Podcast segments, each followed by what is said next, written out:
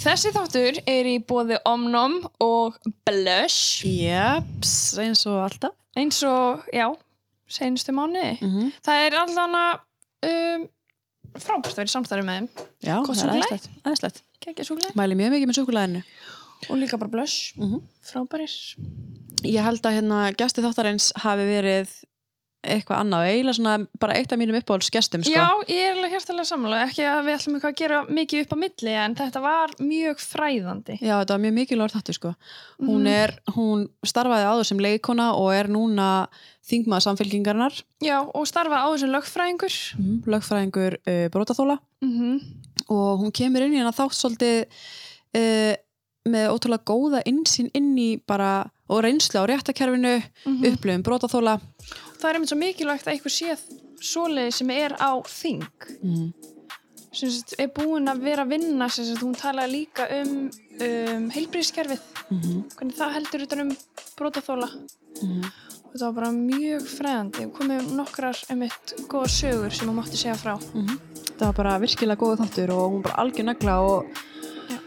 Og bara, já, frænka Kolbrún Byrni á Twitter, kolla swag. Swag! en nóg með það, við langar að kynna gestin Já, heyrði, ég kynni til leiks.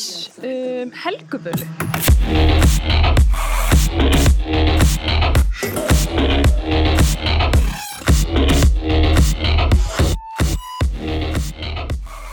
Velkomin.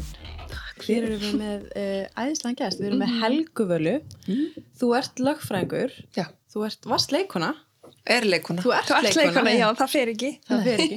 Þú ert lögfræðingur, leikona og uh, frambjóðandi hjá sjálfstæðarflokk nei, samfélkingunni Ekki, ekki, samfélkingunni Samfélkingunni Já. Í dag starfar, starfar sem lögfræðingur í dag? Nei, ég hætti í lögmennsku í rauninni alfarið þegar ég settist inn á þing. Ég er Ok. þingmaður í dag og hefur verið formaður velferðarnemndar alþingis sem stjórnaðandstöð þingmaður núna þetta sístu tvö árin. Var þar áður í stjórnskipunar eftirlitsnemnd og var þar formaður. En er bara þingmaður samfélkingarnar Já, og er núna áfram í frambóðu fyrir samfélkinguna. Æðislegt. Það er hérna, meðast mjög merkilegt sko að þú, að þú byrjaðir sem leikona Mm. og starfaðir við það, er það ekki alveg bara? jú, jú. Já, og ákvast svo að fara í lögfræðina 30 ára gömul, eða ekki? Já, rúmlega það sko. Ég hérna satt, var leiklistskólanum og, og, og lærði leiklist og starfaði bæði hér heima og svo fór ég til Bretlands og var að vinna þar einn vetur í, í bresku leikhúsi, mjög skemmtilegu, spennandi. Svo þegar ég kom heim þá átti ég vona badni og þá hugsaði ég, þá, þá er svolítið flókið að fara og sækjum vinnu og segja, já, reyndar er ég að fara að eiga badni hérna í byrjun næsta ás, en mér vantar samt vinnu hérna í, á sviði þannig að það, að því að það er svona mikið verkefni tengt að þá vissi ég að það væri ekki séns. Þannig að þá fór ég upp á bylgju og sóttu um þar að fá að vinna í útvarpi. Og ég var bara ráðin á staðnum og, og fekk eh, hérna skrifborð og stól og Já, var, fór í útsendingu ok. setna sama dag. Á, og var með síðdeis útvarpi sem að núna heitir Reykjavík síðdeis Mhm. bara frá þeim degi sem ég lappaði þannig ringdi mitt í manni minn og hefði ég kom með vinnu. Ég bara byrjuð og var þannig bara að stýra þessu síðdeis útvarpi þangt til ég fór í fæðingarof og mér fannst uh, útvarp rosa skemmtilegt og fjölmiðlar mjög skemmtilegir. Þannig að ég var að vinna í fjölmiðlum frá þessum degi þannig árið 2000 og flakkaði á milli eða var fyrsta bylginu fór svo á ríksútvarpið og var það svona í fréttatengdu efni og líka svona morgunútvarpi og síðdeisútvarpi og alls konar. Og þar einhvern veginn kynntist í lögfræði af því að mér hafði aldrei dottið í huga að fara í lögfræði Ok. ég held að lögfræði væri bara fyrir svona fólk sem er í jakkafötum og afslega streytarar og ég kem frá svona listamanna heimili og já það er engin- leikarar bæði, Leikarar sko. bæði. Já, og hérna þannig að ég, það var engin í þessu, í kringum mig og ég held að þetta væri bara fyrir eitthvað svona mjög streit fólk sem að hefði gaman að lesa hérna flókna bækur. Já, einmitt. æskiliði, Já, ég held bara að þetta væri bara eitthvað fyrir eitthvað, eitthvað annað fólk. Hérna en þá fór ég að taka viðtöl um svona mannréttindi og alls konar. Mm. og við miklar hetjur sem að eru en að störfum. Og þá fattaði ég allt í hennu heyrðu byttu, þetta er eitthvað spennandi. Og skráði í lögfræði þá var ég 33 ára. Ok. Já. Útskrifast á 30 37, 37. 8 Ok. Já. Les. og þú starfaði sem sko lögfræðingur brotaþóla, eða ekki? Jú, svo, svo bara sama ára og ég útskrifast þá opnaði ég lögmannstofu með hérna tveimur öðrum konum, lögmannum og við vorum nýri austustræti og, og hérna fljótlega ef, eftir það þá, þá er ég svona farin að uh, vera nokkuð svona afmörkuð í verkefnum. Ég var mjög mikið í, í annars vegar að, að aðstóða brotaþóla sem höfðu orðið fyrir kynferðsopeldi og, og heimilsopeldi Mm og, og líka fólk á flóta. Þannig að það voru svona þau mál sem að ég var svona helst með til þess að byrja með. Það var fólk að flótta hjálpaði maður hérna bara Já, bara Komast aðs, inn í- aðstofa þau við uh, að fá hér vernd og þau vera talsmaður þeirra í alls konar málum. þá bara þá, mm, þú veist, útlendingar má, þá móti útlendingastofnun eða hvernig Já, eða sko þau feng, fengu þá uh, í rauninni, það voru sjálfstæðir lögmenn þá, núna er þetta lögfræðingar hjá Rauðakrossinum ok, sem er aðstofaðu. já, já þetta þessu- var sikk hvort. Nei, núna er það lögfræðingar Rauðakrossin sem Já. er að hjálpa þeim að, að, að, að eiga samskiptum við útlendingastofnun og reyna að fá, fá hér vernd. En á þessum tíma þá voru það lögmenn út í bæ sem að voru aðstofa. já, ok, Mér finnst alveg smá að hérna- áhugavert að þetta var svolítið mikið svona, svona þessi réttargæsla í öllum öllum öngum rauninni Já. En sem hvaðan er kemur það með sem er svo áhugavert að þú, þú hérna, einmitt er að segja, ert hérna í, í leiklistinni, listamannafjölskyldu og fer síðan í útvarpið og, og síðan einhvern veginn bara skiptur alveg um, bara kemur einhver að opna bara þína eigin lögmannstofu, Já. fara að hjálpa brotaþólum og hvaðan svona, hvaðan, hvaðan kom þetta, eða hvað, hvernig kviknaði þetta? sko ég held að hérna, ég held að þetta komi frá því að ég átti foreldra uh, sem eru bæði í dáin uh, sem að hérna voru alltaf að peppa mig Mm -hmm. voru alltaf að segja bara do it, mm Mhm. skilur bara ekki hika, hérna þú getur þetta allt Mm -hmm. Og það er held ég besta nesti sem að ég fæ út í lífið. Mhm. af því að ef maður prófar ekki þá veit maður ekki hvort að manni muni mi- mistakast. Einmitt. Og, og ég held að þetta sé að það langsamlega besta sem ég hef fengið. Mhm. bara, ég meina og hvað, ef, Já. það, ef, ef það gengur svo ekki hvað með það, þá prófar bara eitthvað annað. Einmitt, þannig að ég er að reyna að kenna mínum krakkum þetta sko, bara lífið er bara svona hlaðborð og hérna prófaðu.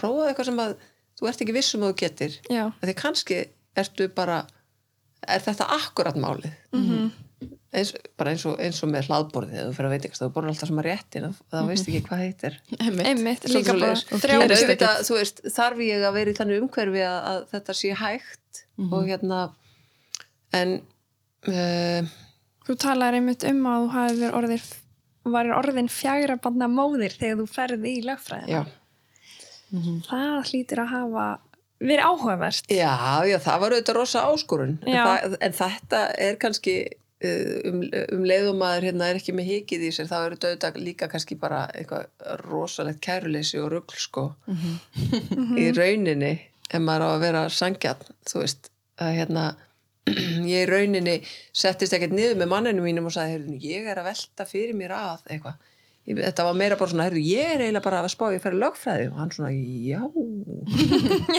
Ok. Og hugsaði sjálfur sko býtu, hún er aldrei talað um að fara í lögfræði. Ok, er þetta ekki eitthvað flip?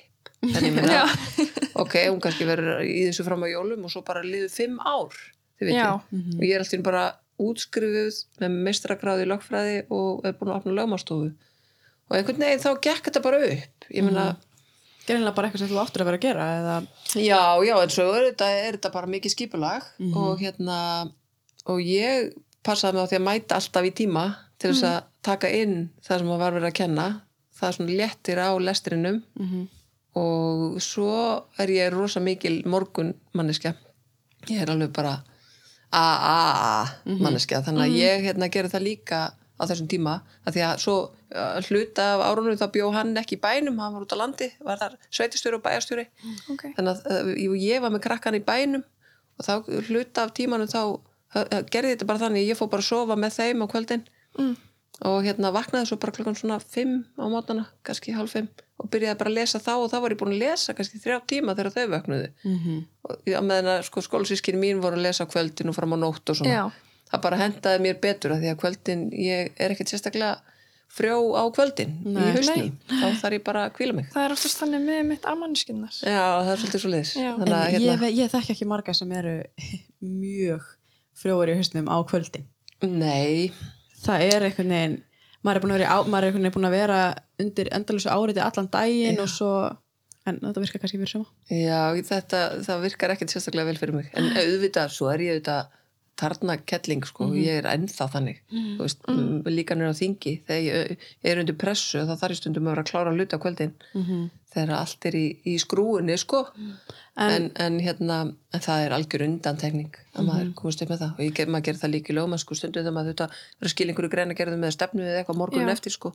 Þá stundum voru dagarnir mjög langir. En Ég sá um eitt hérna mjög áhugaverða frétt um, sem þú skrifaðir held ég inn á vísi í mæ Mm. þar sem þú talaðir um að, breytingar þyrftu að vera á hérna dómskerfinu. Já, og þá fór ég svona að hérna, velta fyrir mig bara svona þú hlýtur að mitt að hafa upplifað svo mikið á þessum tímum þar sem þú ert að hjálpa brotaþólum og, og þekkir kerfið alveg inn og út. Já, og hérna ég, fó, ég náði þessi úr haustum að mér bara hvernig þetta er hvernig þessi barátta er að þú fáir eitthvað skjólstæðing þín sem hefur lent fyrir er þetta ekki mest megnis svona kynferðis já, brot já. og þetta er svo harkaleg barátta sem þú ert að fara í með viðkomandi Mm. hvernig svona hvernig var þetta á, á tímum mín ef þetta er það sem að vinnu við endalist að reyna að berjast fyrir einhverju Mm. Hvernig, hvernig upplifur þetta? Sko, það er kannski það sem að hérna, um leiðut eru hræðilega flókin mál og, og, og, ótrúlega erfið. En það var það samt þetta sem að hjælt manni gangandi í þessu starfi. Mm -hmm. Að því að manni fannst maður vera að gera gagn. Já, gera og það er eitthvað það sem að gera verkum að maður er til í að vera á útkallslista á jólunum eða gamláskvöld eða þú veist, lenda í útkalli að mótni í jólatags þar sem að það er bara að hendast út klukkan 5 eða eitthvað, þið veitir af því að maður finnur það bara að maður er að gera gagn og þá bara er maður kallar út og maður er mættu bara upp á neyðamóttöku að nóttu sem degi. -hmm. og þetta voru sumarvíkurna þannig að maður, þú veist það voru 23 útköll á sama deginum. Maður er að koma hann að svipum tíma á lauraglan ef að, ef að viðkomandi hefur ekki þar að segja komið bara bylins í sjúkrabíl eða með lauraglunni þannig að hérna að þetta er, þetta er svona þetta utanumhald sem skiptir rosa miklu máli. Og þegar ég byrjaði þá fannst mér í rauninni vera svona ákveði það var svona ákveði los inn á neðamótöku uh, það var búið að vera svolítið svona svipað uh, fyrirkomulag mörg, mörg, mörg ár þann inni og mér langaði svona svolítið að taka til í þessu. Þannig að þessi réttagæslu maður, þessi lögmaður uh, kæmi miklu þjættar inn og gæti haldi miklu þjættar utan um sinn, sinn umbjóðanda. Af því að lögmaðurinn er í rauninni eina manneskinn sem fylgir brotaþóla alla leiðina. Það frá því að viðkomandi kemur inn á neðamótöku og alveg þangað til að dómsmál er búið eða það verður dómsmál. Já. og þess vegna fannst mér skipta svo miklu málu og ég náði að koma því í gegn fyrir breytingu ásand fleirum, ásand til dæmis Frönn Stefán sem að er hérna búin að vera aðalsbrautan spítalamegin mm -hmm. hann er hjúgrunafræðingur og hefur verið hérna deildastjóri neðamótöku og það er algjör kempa sko. En hérna, þannig að við, þú veist, við svona komum því svolítið í gegn þessi, þessi þetta þjætta utanumhald lögmannsins, að því að þetta er í rauninni ekki bara lögfræði, þetta er þetta er líka svona ákveðin svona umhyggja sem að verður bara sína Já, sálsög og uh, mér þóttu bara þau mál meira áhugaverð heldur en hérna, Excel-skjöl eða það sem að hjón var að rífast um einhverja teskeiðar Þú algjörlega. Veist, þá var maður bara er það grínast?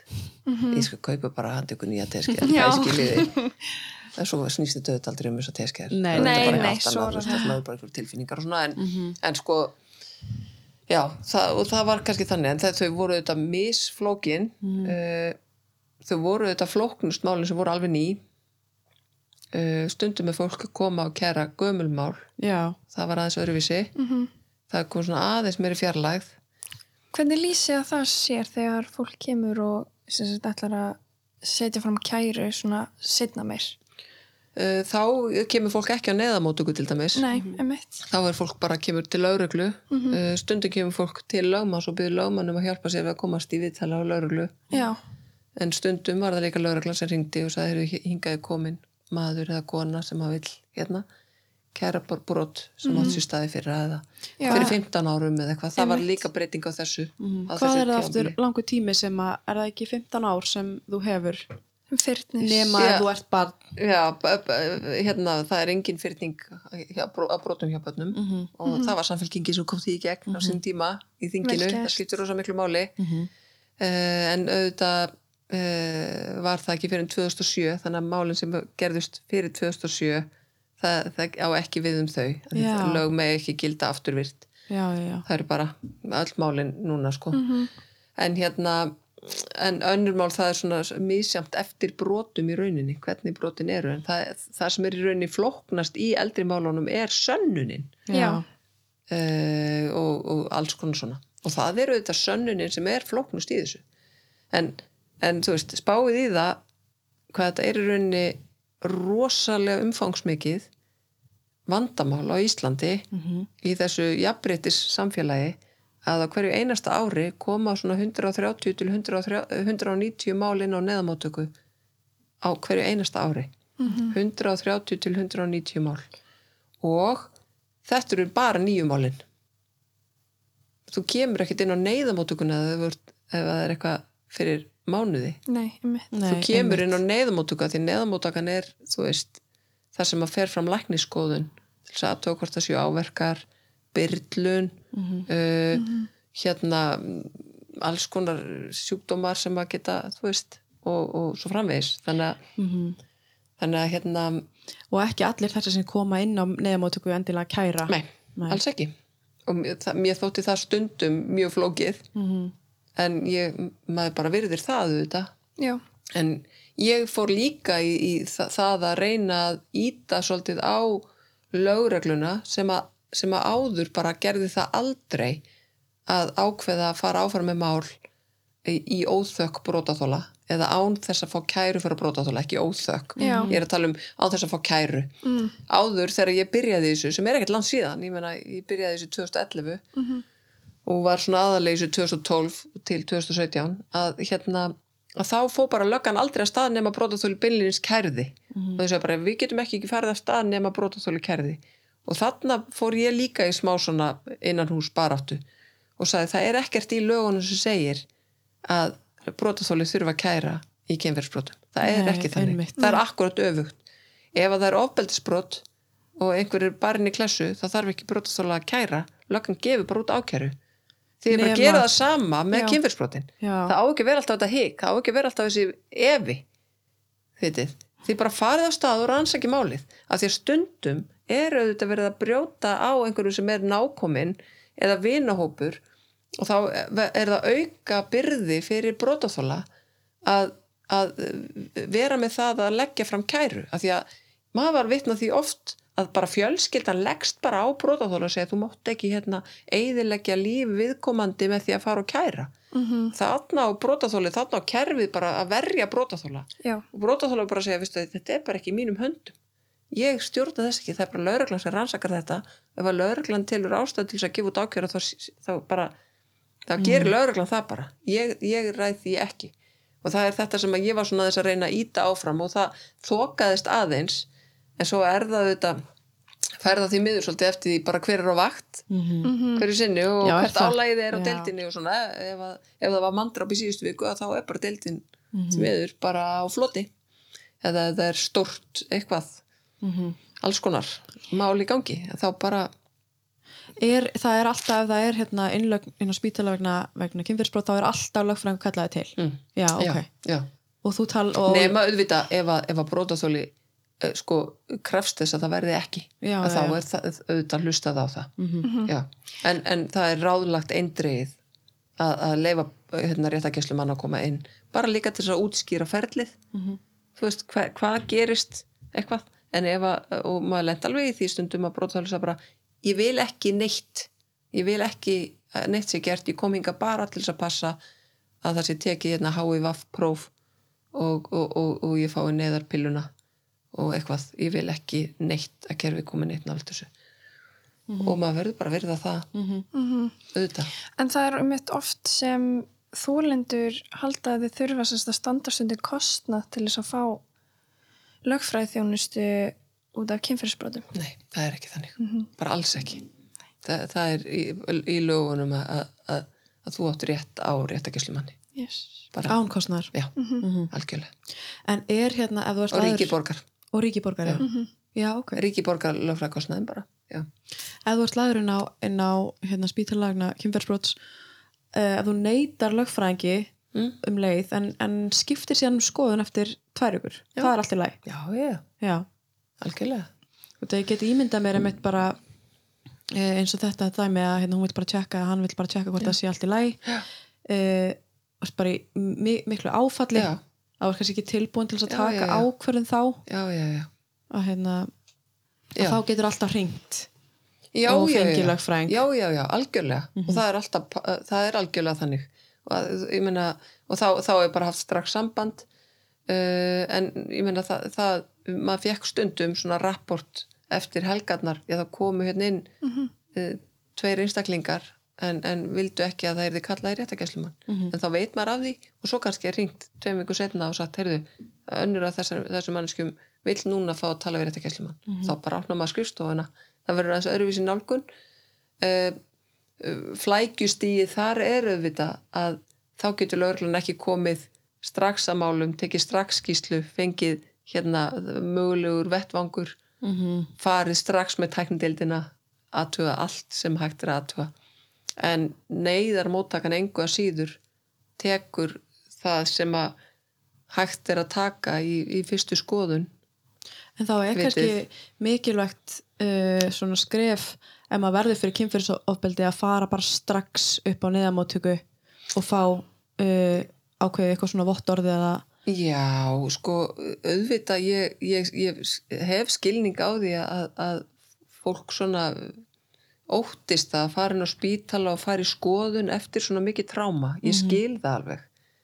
Og, en en, en það, það hjálpar mjög mikið til varðandi sönnunina á þessum málum sem er rosa flókin. Mhm. Um, af því að það eru yfirleitt bara einhverju tveir og annar segir A og hinn segir B mm -hmm. og, og hérna brotaþólinn sem er A eh, er að halda einhverju fram og getur þá stutt frásögn sína við einhver gögn. Föt sem eru rifin eða líkamsvessa eða klór eða bit eða kirkingataka eða bara, ætti vitið. Mhm. allar hörmungarnar sem eru þarna þær eru stundum rosalegar en maður hefur líka mætt náttúrulega óteljandi sigurvegurum í þessum málum. Og það er auðvitað það sem að skiptir máli. Hva- en auðvitað líka vonbreiði Já. Já, hmm. auðvitað.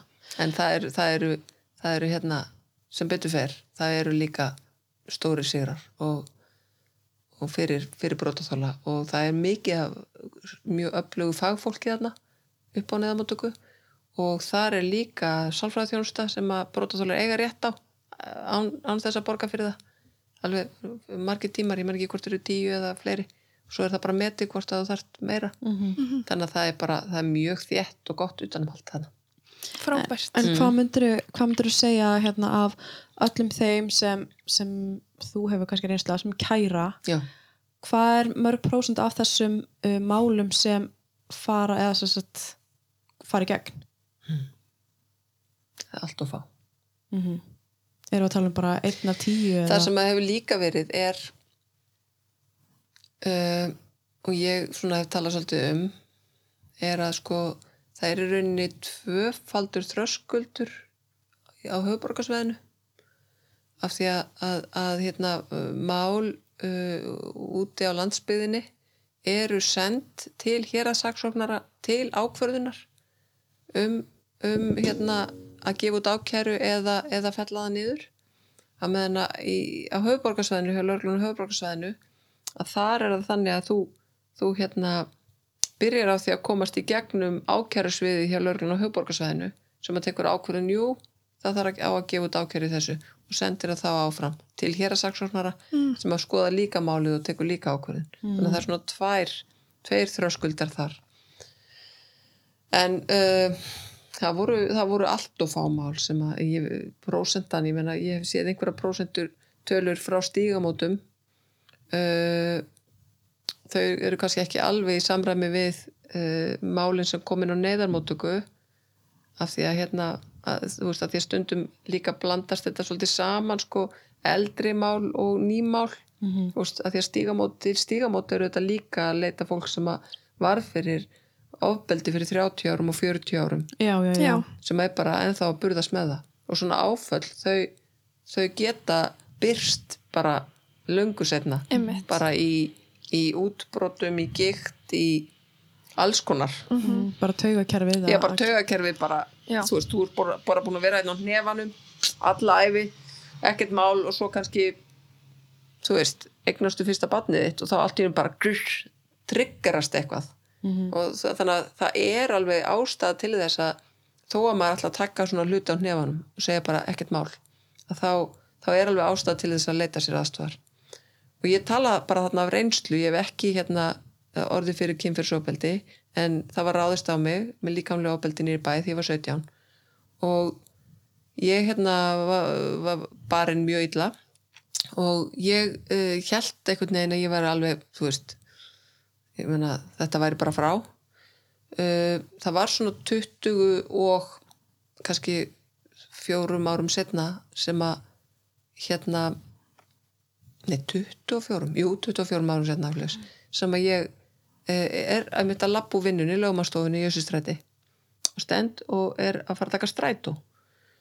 Og hérna bara nynni lækjagötu og er bara eitthvað í símanum og eitthvað svona, svo finn ég allt í einu það er eitthvað fyrir fram að mig. Ég lít upp og þá er það maðurinn sem barði mig. Ok. og hann er bara gamall maður og, og þú veist, ég hefði bara getað hreint honum skilur hann, og mér stafaði engin, ógn af honum þannig Nei. ég er bara miklu sterkar en hann Mhm. en ég algjörlega lamast sko. og ég hérna kemur út úr strætóskilinu og fer út í hafnastræti og ringi mannin minn og bara algjörlega krassa, ég bara hreinniður Mm. og ég var svo rosalega hrætt við hann Mhm. og það bara, það bara triggeraðist allt aftur þarna var ég skilur rúmlega fertu við eitthvað þegar hérna ég lendi þessu allt í einu bara, það sem stend bara svona um kvöld í lækjagötunni, þið vitið. Það var bara fullt af fólki þarna, ég, það var engin en þarna bara, að, þú veist að ég einhvern veginn maður er bara búin að íta þessu til liðar já, Já.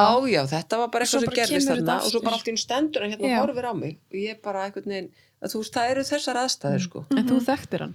Já, ég þekkt hann, já, ég vissi alltaf allan tíma hvað já, það var. Já, Já, já, ok. já. Og þú kærðir ekki á þeim tíma. jú, ég reyndi það Þú reyndi það. já, en hvernig getur maður reynd okkur gengur það ekki strax í gegn að þú vart með áverka og Hmm, ég var alveg bara nefbrotin og allt sko.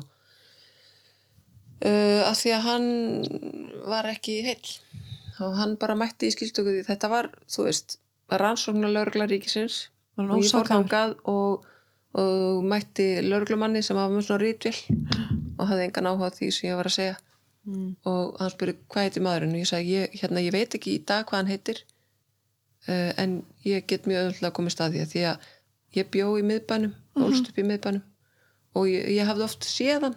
Ég vissi að ég, vissi að, að ég geti spurt hver hann væri sko, því að hann, þú veist, bjó líka hann einhvers þar, miðsvæðis. Þannig að hérna ég sagði, en ég get mjög öðvöldlega spurt Mhm. hvað hann heitir. Og þá leit lokkan á mig og sagði, hvernig, þú getur ekki kært og þú veist ekki hvað, hvað hann heitir og þá spurði ég með að 17 ára krakki sko Mhm. býtu fyrir ekki fá allir nafnspjald eftir svona árásir er það Einmitt. bara þannig Einmitt. og hann svona nei, nei, nei, nei hvað villis er þetta, auðvitað ég lítið ekki sjáðu mig ég bara var með svona sv- svört og með nef út á kinn Mhm. hvað, er þetta ekki lögreglan einmitt. það var svo faralegt viðmót og þetta verður örugglega blunda pínu í mér Já. því ég ákvað að fara lögfræðina sko Einmitt. Vitið, en, hérna, en það er þetta Mhm. svo ég hérna hætti að tala um sjálf mig Nei. Eh, nei, það er þetta sko Já. að þú veist ekki, þú veist, þess vegna skiptir um miklu máli að fara og tala við fagaðila til þess að hérna vinna úr þessari rosalegu reynslu sem það er Mhm. að láta aðra mannsku bara ráðast svona á þig Mhm. og ráðast inn í líkamaðin þetta er náttúrulega bara of mikið en mér finnst þetta þetta áhugavert. er svo rosalegt afall sko. Já, Já. nefnilega. Og þú ert þarna 17 ára og það er náttúrulega, ég veit ekki hvað mörg ár síðan. Mm. og ég var að hugsa þegar þú varst að segja þessa sögur svona, já, þetta hefur nú kannski vonandi breyst og eitthvað, en málið er samt ég er ennþá að heyra þessa sögur í dag frá vinkonum mínum uh, og tek bara nýlegt dæmi hérna stelpa sem kærir um daginn og er bara með myndband þar sem um, hann tekur upp á myndband allt ábeldið og það fer bara fyrir dóm en, hún, en það mál fer ekki gegn. Þannig ég hugsa með mér þegar hún var að segja mér þetta og hún ofinberar þetta og talar ofinberar um þetta að ef þú ert með myndband og það fer ekki gegn hvað þarf það að hafa? og líka bara hræðislan þú veist, það myndi enginn gera þetta sér að gaman sem fari í gegnum einmitt eins og þetta lýsa, þú veist, allt þetta sem maður fyrir gegnum, maður þarf að kæra maður þarf að hitta lögmann, maður þarf aftur að taka skýslutöku, svo þarf maður að fara í dóm. Og það er svo margir í, sem eru bara eitthvað að halda að maður myndi, eða bara einhver myndi gera, gera sér þetta til gamans. Já, já, þetta var það sem ég benti á í, í færslunum minni í vor þegar það fór allt á hliðina hérna uh, út af uh, ónefndum fjölmiðlamanni að, að þetta væru all legasögur og, og, og þetta væru legasjúkar tíkur sem að væru að eðilegja orðspór góðra, góðra manna mm. þá einmitt fór ég aðeins yfir þetta mm -hmm.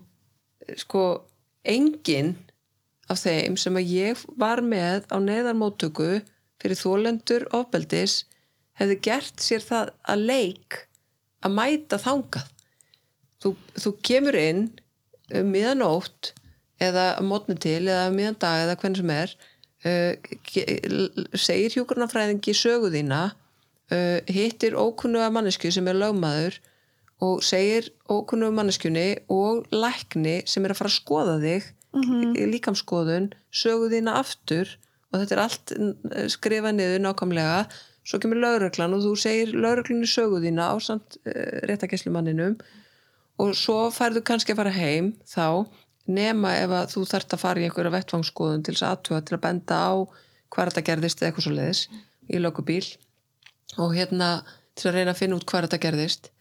Og svo ferðu mögulega heim og reynir einhvern veginn að sopna og, og færi sturtu þá fyrst ef þú telst ekki fyrir sturtu að hún kemur. Mhm. Og svo eftir helgi þá þetta aftur að koma á lögustöðina til þess að taka upp skýslu í hljóð og mynd á lögreglustöðinni. Þá þarf þetta aftur að fara í gegnum söguna þína og þú þurft að segja hana mjög nákvæmlega. Og þú ert spurð út í alls konar eða spurður út í alls konar. Uh, hérna, uh, segðu mér aftur hérna, hvernig var þetta aftur? Og alls konar svona mm -hmm. smáatriði sem er verið að sko draga upp. Og, og hérna og svo er eh, viðkomandi gerandi kallaður inn eða kalluð inn. Og, og svo þarf þú að koma aftur inn til þess að bregðast við því sem að gerandi sagði að hefði gerst. Mhm. og svo býður og býður og býður og býður og býður mánuðu saman á milli eða er, svo kemur allt í unnu tilkynning eða réttakellum maður ringir og segir, heyrðu, jú, það var ákveð að senda þetta áfram hérna til er að saksóknara já, og svo býður og býður og býður og býður marga, marga, marga mánuði. Mm að, það er búið að fella niður málið. Eða, jú, heyrðu, þau ákveð að senda þetta aftur til lögregla því vildu vera, vera rannsaka meira. Þú kemur aftur inn í skýslutöku já, þetta fer fyrir dóm. Frábær sigur, þetta, þetta komst í gegnum síuna. Og þetta verður rosa tilfinningar rússipanni, þetta komst í gegnum þessa reikalegu síu sem er hann og þá kemur við og þarf að mæta fyrir dóm inn í sal og lögmaðurinn er búin að berjast fyrir því að gerandi sé ekki viðstattur þegar þú gefur skýslu stundum er það samþýtt og stundum ekki þannig að mögulega þarf að sitja inn í dómsal með gerandan við hliðinar og lýsa því sem gerðist fyrir blá okkunum fólki sem þú eru aldrei séð einhverjum dómurum, einhverjum verjanda sem eru alls konar mm ritara vitið, túlkur ef, ef það eru erlend tungumál og réttakeslumadur og Þetta eru kannski tvö ár. glætan að einhver Já. myndi leika sér að þessu Einmitt, og í alvöru og stelpur. Já, það mynd, myndi enginn gera það. Ég fekk einmitt svona, kví, svona, svona kvíða bara svona andadrátt við hugsa bara, pældi hvað maður að hugsa allan tíman er bara, er ég að segja, segja þú veist, er ég að segja eitthvað ránt er ég að segja, er ég að segja þetta rétt? Er þetta að koma rétt frá mér? Þú veist, ég meina þú ert búin að rifja upp þennan atburð oftar en nokkuð annað í lífið þínu já. og svo er það bara þannig með minnið. Mm að svo er það bara alls konar. Og svo Já. getur bara eitthvað sem að, sem að þú einhvern veginn svo mannstu eitthvað Nei, skilur svo bara geta komið bara blackout. Já, að það er bara tráma blackout, þú bara lokar En þú fyrir líka vitið, og kannski þú segir ég man það ekki og þá er það að nota gegn þér. Mhm. Mhm. En þú fyrir líka en þú um sagði þér í þig. skýslunni að löggunni þetta. Það var bara, já gerði ég það? Veistu það, ég var bara í svo miklu tögafalli ég man ekki hvað ég sagði þá. Og það er allt þú veist, ég ætla ekki að draga úr ég ætla alls ekki að draga úr brotaþólum að kæra, alls, alls, alls ekki. Mm -hmm. að, því að, að réttlæti skipti máli algjörlega. En ég bara segja þeir sem haldaði fram að fólk sé að fara í gegnum þetta ferli að gamni sínu það veit ekki neitt hvað það er að tala um. Ekki neitt. Þetta er bara algjörst kæftæði og ég bara fullir því það ég hitti aldrei manneskjun á neðamótöku fyrir brota, þólendur og opeldis sem að hefði verið að leika sér að því. Bara aldrei. En svo er einmitt, Davíð, getur þú varpað upp á skjá hérna fréttinni með hérna húnum hana, vinn okkar eh, sem er ekki svo mikil vinnum en þetta er sem sagt hann Arnar Dómari um, hann er frambjóðandi sjálfstæðsflokksins já, og hann varpar þessu fram að það sé hræðileg hugmynd að trúa alltaf þólendum og þetta er frétt sem kom bara út núna nýlega uh, síðustu viku held ég. Um, sko tímasetningin á þessu er náttúrulega pff, ég bara ég veit ekki bara svona fallast hendur þegar ég sé þetta og mér bara kvíður bara, fekk bara þvíleikan kvíða fyrir að sjá þetta. Þetta gæti mögulega verið einhver maður sem fer kannski á þing og nei, menn hann er dómari. Já, hann er dómari fyrir að fyrsta leika. þú veist, ský, skýt með ef hann fyrir á þing. Mm, hann er dómari, já, Nei, hann já, er að dæma einmitt. í svona málum. Líka bara ef ég myndi fara einmitt og hann væri, myndi sita þarna og ég var að kæra.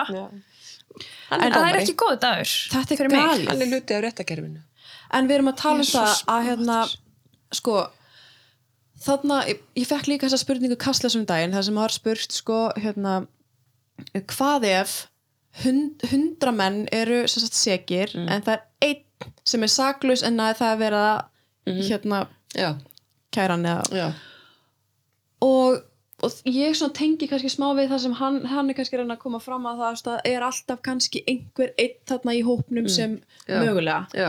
Og þá erum við kannski að tala um þá sem kannski fara ekki upp á brámatöku heldur einhver sem lendi fyrir tveim árum og ákveður að kæra. Mhm. að hann er svona í að því finnst mér að, hérna, að það sé þá einhver hefning eða einhver vilji hefna sína á einhverjum eða leika sér að því að hvað sem það er að kæra einhvern sem er saklaus. Hvað hvað finnst þér um þetta? Sko, hérna af því að hann segir sko, ég held að það sé óásættanlegt að þetta sé svona. Uh, við viljum búa í réttaríki uh, og þá, þá langar mig fyrsta lagi að spyrja hvað er réttaríki fyrir þólendur ofbeldis? Mhm. uh, hann segir hræðilegu hugmynd að trúa alltaf þólendum ef það er þólandi þá er það þólandi ekki satt? Mhm. ég meina uh, en svo, svo komum við yfir á hitt sem að er gráa svæðið. Og það var það sem ég svona var aðeins að ræða uh, við, við hérna, fólk í kringum mig. Þegar að við vorum í uh, bylgjunni og bylgjónum tveimur, hvort sem það er eina eða tvær bylgju núna í vor þar sem að við vorum farin að nafngreina fólk.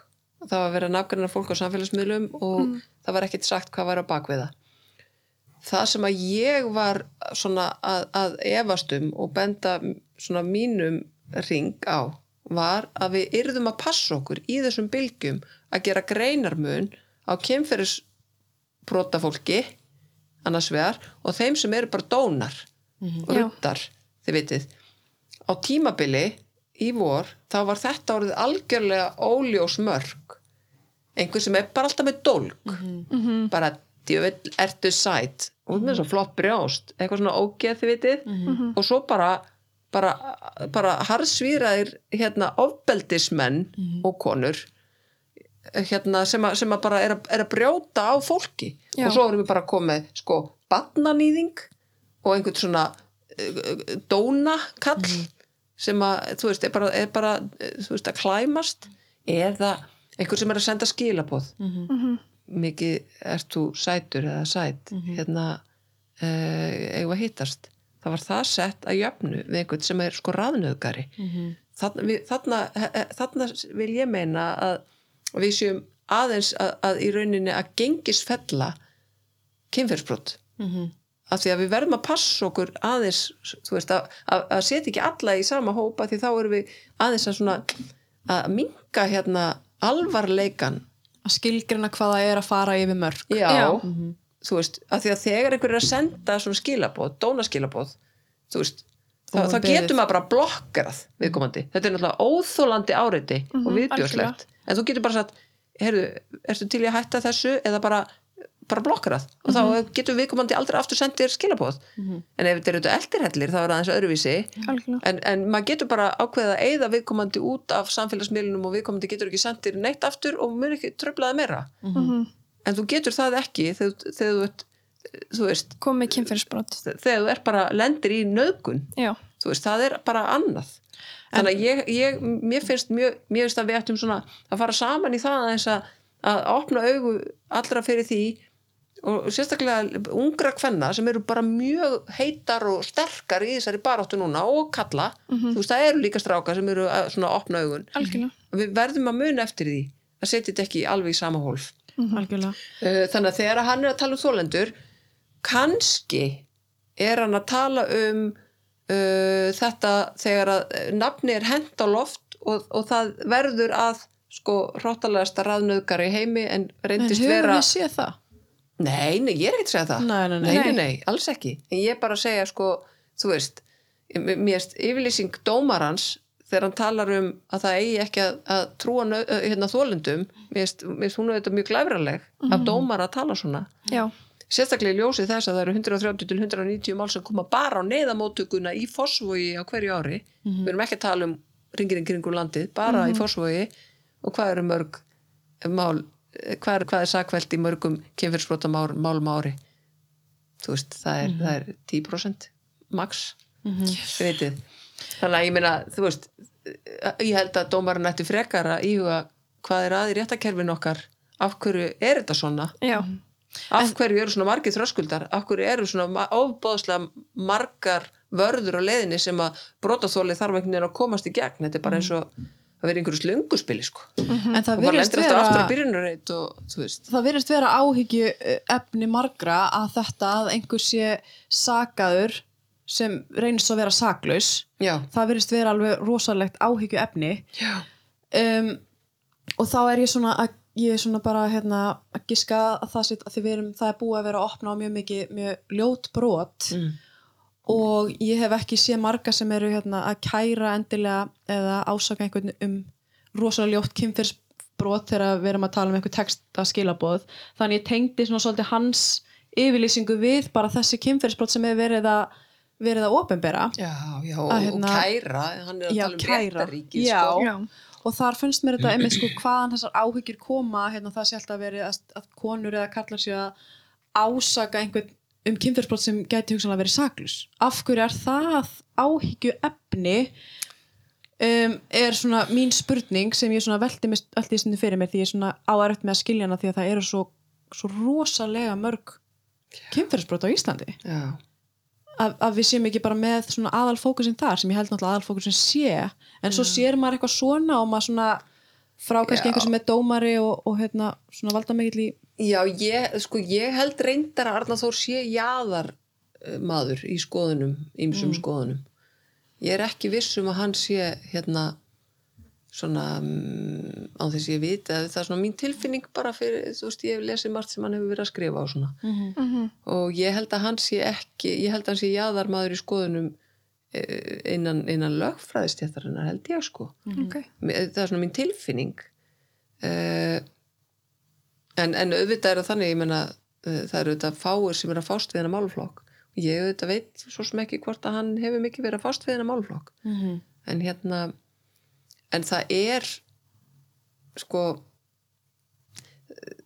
það er auðvitað þessi skýra regla í sakamála lögum að hérna allur vafi sem er uppi í máli á að tólka sakborningi í hag Mhm. Ef að er eitthvað, eitthvað einhver, ef þú ert ekki bara með þetta alveg 100% að þá þá áttu í raunin ekki að sakfella heldur síkna en það að, að einhversi síknaður þýðir ekki að viðkomandi hafi ekki gert það hlutin heldur að ákjæru valdinu sem er saksóknarinn Mhm. eh, og hún hafi bara ekki tekist að sanna brotið. Eh, heldur það þannig að hérna tíma? ég held að sko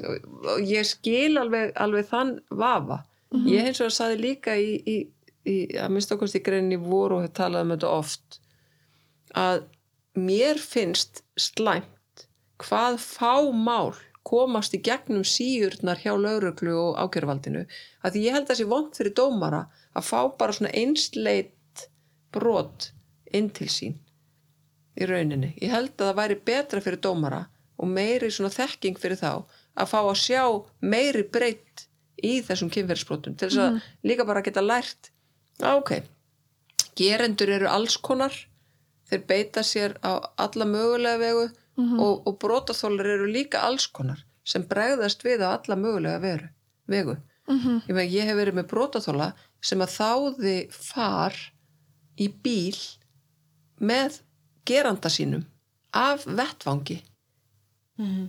uh, einfallega vegna þess að manneskjan hafði ekki hugmynd um hvar hún var stödd.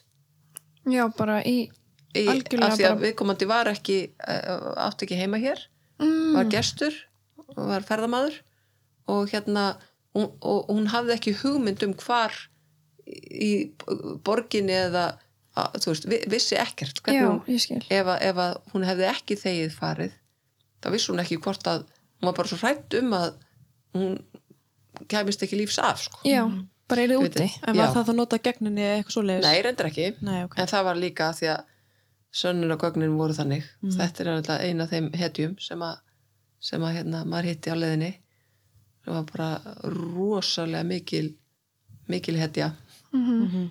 af því að hún náði að hérna, merkja vettvangin svo rosalega og svo fundu, hún vissi ekkert hvað hún var þú veist, þannig að þegar við- ég hitt hana þá fór hún að reyna að lýsa hvar í borginu var og við þurftum bara að keira um borginu og reyna að finna út hvað hvaða húsnaði þetta hefði geta mögulega verið því hún vissi ekkert hvað þetta hefði verið. Mhm. og það er svona atvik sem ég gleymi aldrei sko. Því ég satt aftur í lögubílu með henni og, og allt í einu bara ha, stoppuð við og ég segi getur verið að það sé þarna? Að henni tekist að brjóta rúðu. Hann Henni? já, hann sagði að hún var líka frelsisvift Mm. mm, og þá, þá var það akkur þar. Hún þekkti ekki húsið sko. En ég bara svona var eitthvað að tala við hann og leit svona út um afturlökan og sá brotna rúðu. Og hann íbúin að tala um hún hefði náða að brjóta rúðu. Til að komast út. til að komast út sko. Til að reyna að vekja aðtegli hérna, mm þeirra sem að gátu mögulega verið að lappa fyrir utan. Og hérna og þannig fundum við staðinn. Og þá inni var allt allt í sönnagögnum sko. Já, já en hún vissi ekki hvað hún hefði verið þannig að þetta var, hún gæti verið í hvaða, hvaða húsi sem er. Já. hún sagði, ég man ég sá 7-Eleven búð. Og við bara nei, það er ekki 7-Eleven á Íslandi. Það getur ekki verið. Og hún bara, ha, Hvað var hann það að tala um? 10-11 Tétli, Já. þannig að við bara, en við föttum það ekki alveg strax sko, við Nei, bara nei. fórum út að keira og keirðum bara, keirðum, keirðum frábælögga sem var með okkur. Ég satt aftur í með henni Mhm. Þannig að hérna, til þess að reyna bara eitthvað, því annars hefðu við ekkert vita hver þetta var við hefðum ekki humdu hver maðurinn var sko Mhm. hún, hún hérna En hann átti heimi í húsi. nei, Nei, hann ok. hafði nei, svo hann hafði hann var ekki umráðamaður eins og í húsnaði sin sko Nú, ok. en hérna hann hafði verið með auka likla því að hann hafði verið að gera við eitthvað eitt mm. þannig að það var þetta að rekja bara Mhm. en þetta er, ég er ekki að kjafta neinu Nei, nei, sko, nei. þetta var ofnbært málið að fjalla um það ofnbærlega og þannig að þetta Ok. er bara þetta var alveg þannig að þetta var, þetta var rosalega þetta var hérna efni í, í, í sér glæpasögu Já. þetta mál sko það var eitthvað svo. En ég var Magnað. einmitt að pæla í þessu þú talar um með hérna kerfið að þú sérst annarkvort síknaður já. þú veist, eða sakveldur eða sakfeldur já. Þú veist, það er bara já, síknaður en ekki hægt að sanna. Heldur þetta væri eitthvað tíman heldur að við myndum eitthvað tíman taka upp á þessu sem sagt? Ég skilji ekki. Þess að, þú ert síknaður já, já. En, það ég stendur að ekki neinstaðar hvort það sé ekki hægt að sanna það. Jú, það stendur í domnum það stendur í það, Akkur fannst mér eins og hvernig var þetta í Ástralíu? Það stendur í domnum í rauninni hérna ekki næjanlegt til sakfellingar en Já. þó þannig að ekki það telst ekki næjanlegt til sakfellingar. Uh, þó, hún eða, eða brotaþóli virkaði trúverðu í sinni frásögn. En, en gegn eindreini neitun uh, Mhm. sakbornings ok, þá En- telst það, framan komið ekki nægilegt til sakfelling, nægilega sönnun til sakfellingar. Telst mm ákjæruvaldinu ekki hafa tekist að færa nægilega sönnur fyrir því að þetta hafi verið með þeim hætti sem að stendur í ákæru Mm. og þess vegna uh, getur dómur ekki annað en síknað ákærða af. Það er alveg stundum alveg svona sko. já, Bara, sorry, sorry, sorry, sorry, sorry, sorry, við vitum að það gerðist en þetta var bara of vanbúið til þess að við gætum dæmt. Mhm. Stundum er þannig. ok, En er Og maður hverju les alveg bara, shit. Já. mm. En af hverju tekur þetta svona rosalega langan tíma eins og stundum er þetta upp í bara tvö ár Já. Er, Því við erum bara með að fá löggur. já, það er Við bara erum bara pólitísk ákvörðun að setja ekki meira fjármagn í þetta.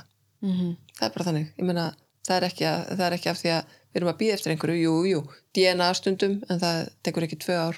Nei, Þetta er bara að því að kerfið er van fjármagnað. myndi þess- þú vilja breyta því? Já, auðvitað. Það vilja það allir, sko. Mm En ég held að það eru færri lögreglumenn að störfum í dag en voru sko 2007. ok, Við erum samt miklu, miklu, miklu, miklu fleiri íbúar fyrir utan sko uh, ferðamenn sem að voru fyrir COVID 2 miljónir. voru á þeim tíma þú veist, 500.000 eða eitthvað. Mhm. Og fyrir utan að, að, að glæpir í dag eru orðni flóknar að mörguleiti. Allt þetta peningaþvættistótt og svona fjármennur þetta glæpir eru orðnir miklu flóknari og þurfa miklu flóknari rannsókn. Mm. Þannig að hérna, það ætti að vera miklu fleiri löggur en auðvitað eru svo sem aðrir en bara lauruglumenn sem er að rannsaka. Það eru líka oft, þú veist, annars konar, tækni fólk og alls konar. -hmm. En það þarf að fjölga lauruglumennum og, og konur eru líka, líka lauruglumenn, þau vilja láta kalla sér lauruglumenn en ekki lauruglutjóna. Algjörlega Þannig að hérna, það bara verður að fjölga til þess að þetta gangi hraða fyrir sig. Það Já. er til hagspóta fyrir málið og allt. En er það bara svona fáir sem sækjum bara í lauruglu skólan eða eitthvað svoleiðis? bara? Það, það hefur verið svolítið flókið uh, þar, lauruglu skólinn var laðu niður sko og Nú. kennslan í lauruglu fræðum færð uh, norður og akureyri, í háskólanum Akureyri? Bara á Akureyri? Já.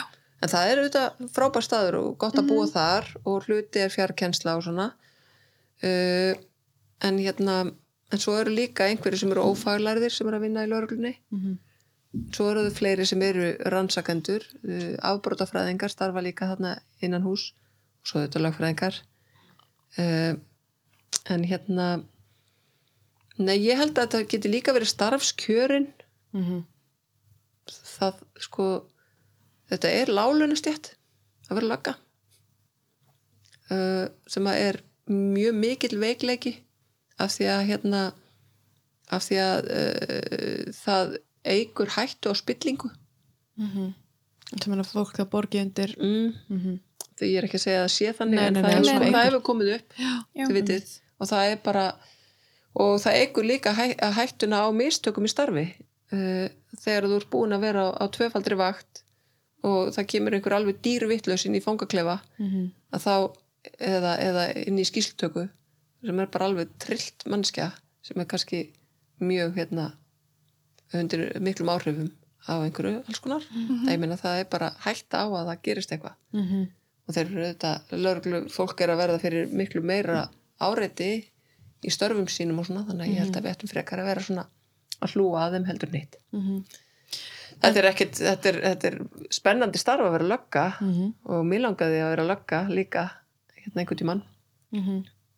Ég held að ég verði ekki úr þessu þó að ég eigi marga marga ferla eftir að þá hérna en, en ég held að sé mjög erfitt oft Ég held að tengi mjög margir við að, að þetta sé svona spennandi og mörgum langi Já. til þess að vera að lögga sko. En svo kemur við þetta, þetta er lálun á starf og mikið álag og langa vaktir og, og og erfið er- vinna. og erfið vinna og, og líka bara svona alls konar aðstæður þú kemur einmitt inn á heimili þar sem við verum Mhm.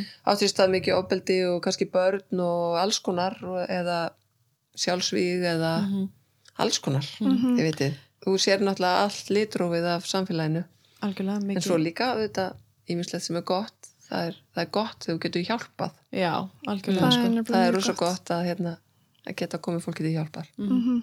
En annað sem ég langar að spyrja með hérna, dómstól götunar. mm. Nú heyri ég, nú er það mikið svona á Twitter og samfélagsmiðlum og fréttum að, hérna, og kommentakerfum að það sé svona að við þurfum að passa þetta þetta samfélagi verði ekki þannig að þetta sé að dómstól götunar eða fólkið á samfélagsmiðlum taki við bara að réttakerfinu Já. hvað eins og nú sjáum við höfum við séðan og bara í MeToo-bylginum og eins og við tala um á þann að fólk er að ofinbera sig Já. og jafnvel nafngreina eða gefa í skinn eða hvernig sem það er að ofinbera sín mál hvað finnst þér um þetta? finnst þér fólk er ekki ríkir, þú veist, tjáningafrelsi má fólk tjá sig, er þetta dómstóll götunar ég meina hvað á maður ekki að segja frá Mm. þetta er svona þetta er svona umræða sem ég heyri oft sko. Já, ég veit að hún er, hún er mjög hérna uh, þetta er rosa flókin umræða Mhm. uh, og aftur í rauninni segi ég sko mér finnst hún ekki alveg svarkvít nei, nei, nei, Nei. þú veist sjálfsög uh, það getur hérna skapast, á, a, a, skapast þær aðstæður og ef maður heyrt bara til dæmis inn í grunnskóla að hérna að, að unglingur sé að sína óviðegandi hegðun eða það er ekki að tala um ofbeldi það er alltaf að taka ofbeldi Mhm. uh, en að unglingur sé að sína óviðegandi hegðun og, og sé í rauninni algjörlega útskúfaður á öllum samfélagsmiðlum og, og í skólanum. Er það um óviðandi hegðun þá bara, bara þetta, þú veist hérna að senda skilaboð. Ok, hérna eitthvað, Mhm. ég er ekki að tala um dick pic sko, nei, Nei, nei, en ég er að tala um þú veist, senda skilaboð að vera bara slísi Já, réttu pönd sem að hefur hérna lent á slísi karakter já, jú, jú. og hérna bara allir meina, Mhm. æ þið vitið. Það eru þessi mörg sem við þurfum kannski líka aðeins að, að hugsa út í. Og ég meina ég hef líka séð kynnsistur mínar vera mjög slísi og hryllilegar. Ég var að vinna sem þjóttn og barþjóttn árum saman. Og svo hefði þetta bara hef ég farið út að skemmta mér. Og guðmur góður, konur eru ekki saklausar af þessu. En kallar eru það alls ekki heldur. Ég meina konur grípi punga og kallar grípi brjóst og rassa og, og klof. Mhm. en þú veist, og það, það er mér finnst það vera svona ofbeldis tendens klár. Mhm. á meðan að þú veist, svona vera svona óviðegandi þá finnst mér stundum sko að það væri betra ef skólasamfélagi geti komið og, og, og, og kent unglingsstúlku eða unglingsstreng. Hérna, núna, núna ert þú orðin óþægilegur í, í, í, í, í samskiptum. Já, Eh, þú veist, ekki, ekki, ekki lappa upp að skólabróðu þínum og segja hérna, við langar að sofa hjá þér. Kondu núna eða eitthvað, konda ríða eða eitthvað, ekki, ekki gera þetta svona Já. af því að manneskja sem þú ert að tala við finnst, manneskjörnum finnst þetta kannski bara mjög óþægilegt. Og ef þú ert að gera þetta tíu sinnum það er kannski bara þá ertu kannski bara fa- farin að valda því að viðkomandi getur ekki sopna á kvöldin af óta við að mæta þér á ganginum daginn eftir. Já, á meðan einhver annar myndi segja bara æ fokka þér, Mhm. hætt að tala svona við mig. og lappa áfram á- allt búið. Þú veist það er þetta sko en hérna á þessum árum þar sem að hérna krakkar er að, að, að, að svona læra á þetta allt saman þá finnst mér að það væri mikilvægara að það er eitthvað svona samfélag þar sem maður myndi koma bara þétt saman og útskýra og segja hérna eh, þetta eru félags uh, samskipti sem eru ekki viðeigandi og nú þurfum við að gera betur. Það sem að gerist hins vegar og þar kemur hérna dómstól götunar sem ég er sammála orð, orðinu er að við erum aftur og aftur farin að sjá bara litla krakka 14-15 ára Mhm. þú veist, algjörlega tekin að lífi á, á, á TikTok og þú veist, öllu þessu Snapchat og, og whatever Mhm. fyrir eitthvað svona, þú veist, bara eitthvað svona eitthvað svona, þú veist algjörlega óvið eigandi samskipti sem er ekki samt ofbeldi. Það er þar sem að ég hef áhyggjur af. Svona niðurlæging á samfélagsmiðlum og sjá hvað þessi gerði og já, eða bara passið ykkur á þessu þetta er ógislu já, perri. já, já, Já. já. ógislu kynferðsbrota ógeð. Mhm. þið vitið, ég hef alveg séð þetta. Ég, og ég bara, ég fekk tvö símtöl frá foreldrum í sömu vikunni í vor. Mhm. Að bara frá, frá foreldrum sem ég þekki og þess vegna talaði við mig og spyrja eigum við að tala við lögregluna, hvað eigum við að gera? Og það í bæði skiptin voru þetta unglingsdrengir bæði skiptin voru þetta drengir í grunnskóla Mhm. og hérna sem að voru bara þú veist, voru bara cancelled þið vitið, ekki fyrir ofbeldi, heldur fyrir eitthvað svona texting. Já, eitthvað svona Bara dónaskap. bara dónaskap, þið vitið bara, þetta er dónalegt Mhm. ekki tala svona Mhm. en þarna finnst mér líka, og þarna mér verður samfélagið að koma miklu þéttar að Mhm. Og bara þarna þarf hjálpa þeim- skólasamfélagið að koma miklu þéttar að og taka hópin taka hérna gerandan, dónan Mhm. og segja bara svona gerum við ekki og nú þurfum við öll að tala saman og segja bara ef við ætlum að kanselera þessum sem er hérna 14 ára Mhm. þá getur verið að hann ákveði að binda enda á líf sitt. Einmitt. af því að hann áttar sér ekki á því að hann eigi einhver, einhverja útgönguleið. Hann gerði mistök. Mhm. hann er búin að byggast afsökunar. Og þarna er að En tala um sko er- smávægileg brot. Nei, við erum ekki að tala um brot í rauninni. Sko- við erum að tala um dónaskap. Já, dónaskap. Já, við erum að tala um dónaskap. Óviðegandi hegðun Mhm. vitið.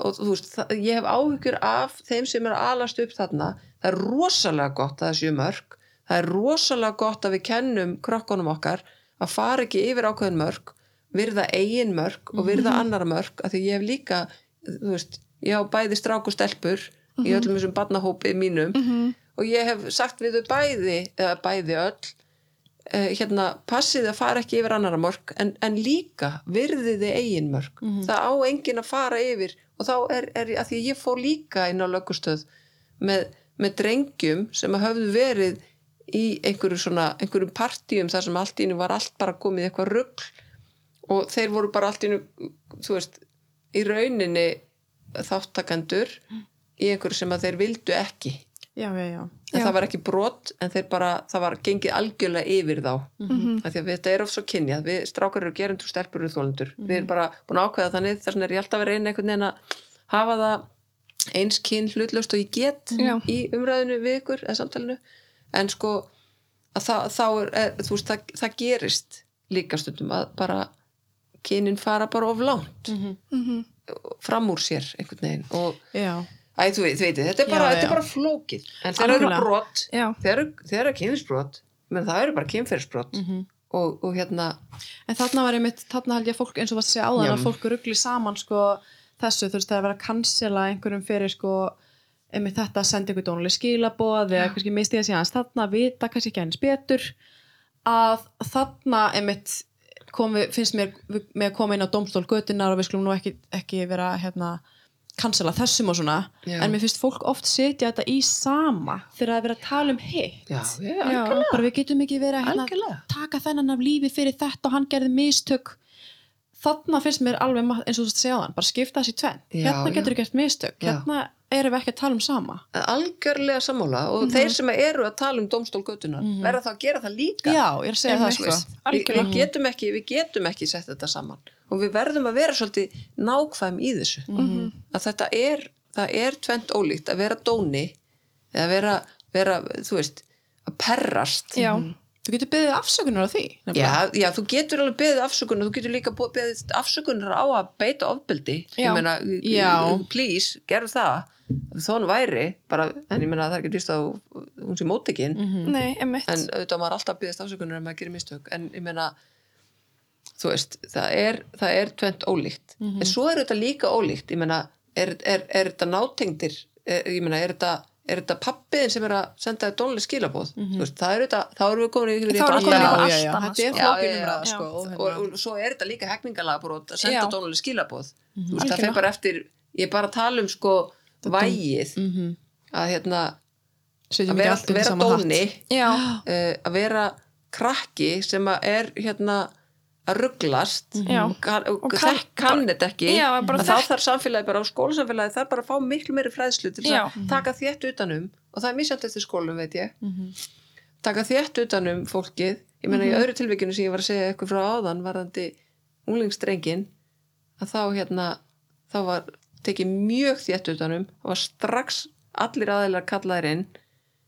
Og, og þegar að hérna drengurinn kemur inn til að hitta með fóröldur sínu til að hitta stúlkuna og fóröldrana að þá horfðu stelpan á hann og sagði þetta er ekkert hann þarna var hann cancelled í, í, í sko 2-3 daga Mhm. Og byrju þetta var síðan ekkert hann. nei það var ekkert hann, það var allt annar Já, einmitt. var Við það erum bara að einhver passa- sögur já, já, já. Já, það var bara allt í einu mátti hann ekki mæta á íþróttæfingu og það var bara hérna og félagsmiðstöðin er bara cancelled og hann bara, ó, hann vissi ekki hvað var að gerast það var bara fjara undan, það var bara algjör kviksindi Mm. Og hann það- fekk bara ógeðslega mikið af einhverjum heitskilabóðum, ógeðsli perriðin ógeðslegur kynferðsbrotamæður og hann bara, hvað er að gerast og hann þú En það var 14. skólakjör að taka þátt í þessu eða? Nei, já, og... Nei, já, nei, skólakerfi ákveður bara, heyrir það, það er bara þarna fjara undan drengnum, allir eru kallarinn, grípa málið strax, uh, brotaþóli var tilbúin til þess að koma inn og tala við þau sem er ekkert alltaf, Nei, emmitt. en þarna var mjög gott að það gerðist, af því að brotaþóli bara, ha, nei, það er ekki þessi, Mhm. það var ekki hann sem var Dóni. Greiði strákurinn. Nei, ég menna að greið þau bæði bara, Já, bara að, bæði, veist, auðvitað. allir en þetta hefði getað farið miklu verð Mhm. af því að hann hefði getað verið bara útskúðaður út árið og Ef það er ekki tekið samtalið mitt. eða það hefði ekki tekið Mhm. En það er auðvitað ekki takt alltaf og þetta eru eh, eins mörg mál og þau eru mörg eða eins ólík mál og þau eru mörg Já. en, En en erum við bara dómstólgötunar ég meina uh, gerandi ber auðvitað ákveðna ábyrð á sínum kjörðum Mhm. og getur ekki búist við því að það sigla bara Nei, á einhverju nei. flegi í gegn ef við komum til við brotið mjög gróflega gegn öðrum manns, annari mannsku Mhm.